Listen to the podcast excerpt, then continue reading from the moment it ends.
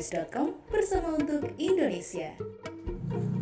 Halo Sobat Holopis, apa kabarnya? Jumpa lagi bersama saya, Ronald Steven, di dalam program kita kali ini, ini Cabi Baca Berita. Seperti biasanya ya, kita akan membacakan beberapa berita yang sudah kita posting ataupun juga kita tayangkan di website kita holopis.com.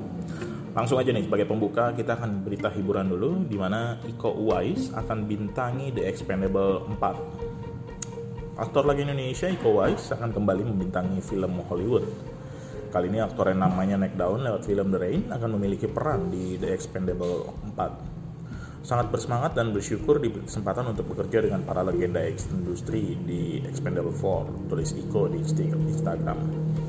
Seperti film-film sebelumnya, nama Iko Uwais akan disandingkan dengan sejumlah nama aktor laga ternama di dunia.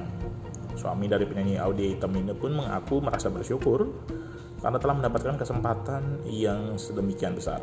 Meskipun belum diketahui peran seperti apa yang dimainkan oleh Iko, namun bahwa diketahui bahwa Iko akan memerankan karakter antagonis. Wow, sukses terus buat Iko ya. Semoga karirnya semakin melejit dan membanggakan Indonesia. Lanjut kita ke berita lainnya, yakni mengenai tarif PCR di Indonesia yang akhirnya diturunkan. Di mana diketahui tarif PCR Jawa Bali akan dipatok di angka Rp275.000 dan Kemenkes menyatakan kalau ada yang melanggar akan ditutup di mana dalam ketentuan tersebut menurut Direktur Jenderal Pelayanan Kesehatan Profesor Dr. Abdul Kadir dari hasil kesepakatan pemerintah mengambil keputusan bahwa harga pemeriksaan dipatok di angka tertinggi 300 ribu.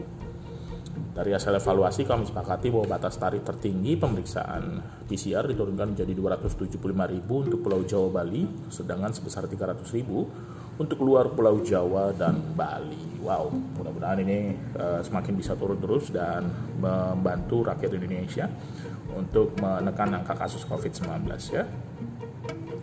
Lanjut ke berita lainnya, ini helikopter Bell selesai, Prabowo minta awat rawat alutsista dengan baik.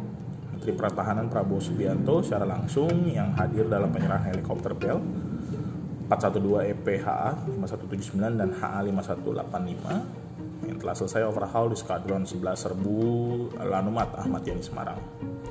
Prabowo meminta kepada prajurit TNI agar dan menggunakan alutsista tersebut dengan baik. Rakyat kita menginginkan alutsista agar dapat digunakan dan dirawat sebaik-baiknya. Dalam upaya memenuhi kebutuhan alutsista TNI, pihaknya juga memperhatikan pemeliharaan alutsista yang optimal.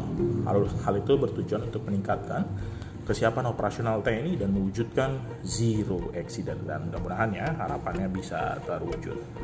Mungkin itu dulu beberapa berita yang kita bisa tayangkan di uh, Cabi kali ini program baca berita dan semoga ini bisa bermanfaat bagi kita semua dan tentunya Anda bisa saksikan berita lengkapnya di website kami di halloffice.com. Saya Rana Steven pamit undur diri dulu. Salam sehat dan sampai jumpa. Halloffice.com bersama untuk Indonesia.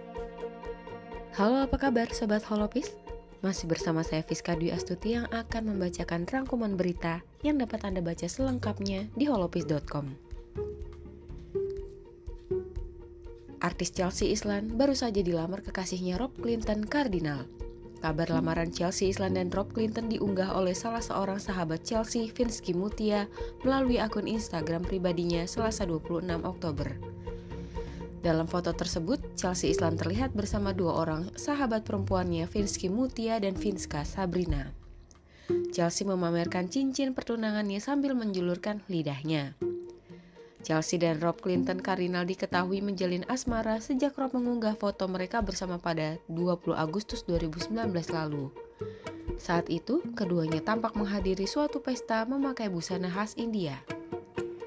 Rob merupakan politikus muda dari Partai Golkar Selain itu, ia juga anak dari politikus Robert Jopi Cardinal.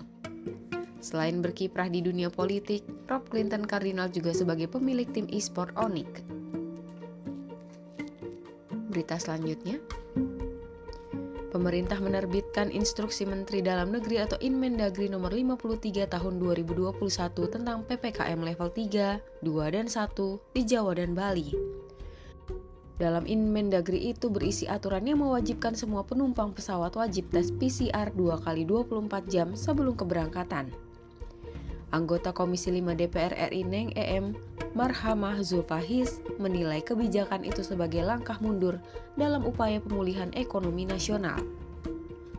Menurut politisi PKB ini, syarat wajib tes PCR bagi penumpang pesawat tidak diperlukan lagi.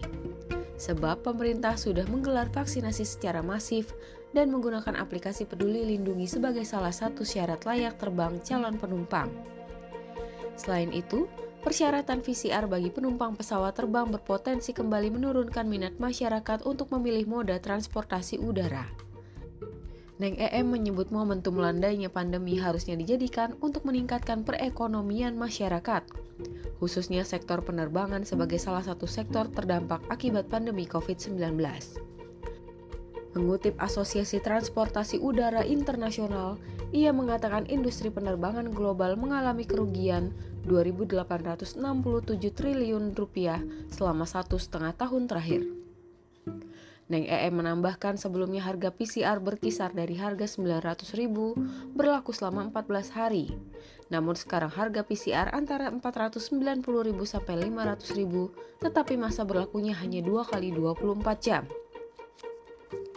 Berita selanjutnya, Kabar duka datang dari musisi legendaris Odi Agam yang meninggal dunia pada Rabu 27 Oktober. Kabar ini diketahui dari unggahan pengamat musik Stanley Tulung di Instagramnya.